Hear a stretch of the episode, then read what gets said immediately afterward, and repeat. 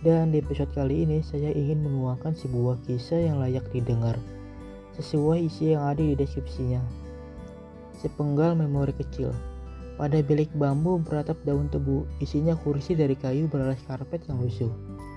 Tempat singgah paling nyaman kala terik siang. Hei kawan, apakah kau ingat tempat itu? Kita berenang di sana dari kejaran sang pelita, sambil bercerita dengan tema layang-layang. Kala senja hanya mengenal cerita tanpa ada sakit cinta. Kawan, apakah kau juga ingat saat kita tertawa menebak apa isi di balik awan? Atau saat kita lari berhamburan menghindari kejaran pemilik mangga yang kita makan? Mungkin hanya lelucon di masa itu. Dan saat itu kita hanya sekawan bocah dengan pikiran sederhana, tanpa ada topeng untuk mencari perbedaan di antara kita. Dan mungkin hanya sebatas ini saja.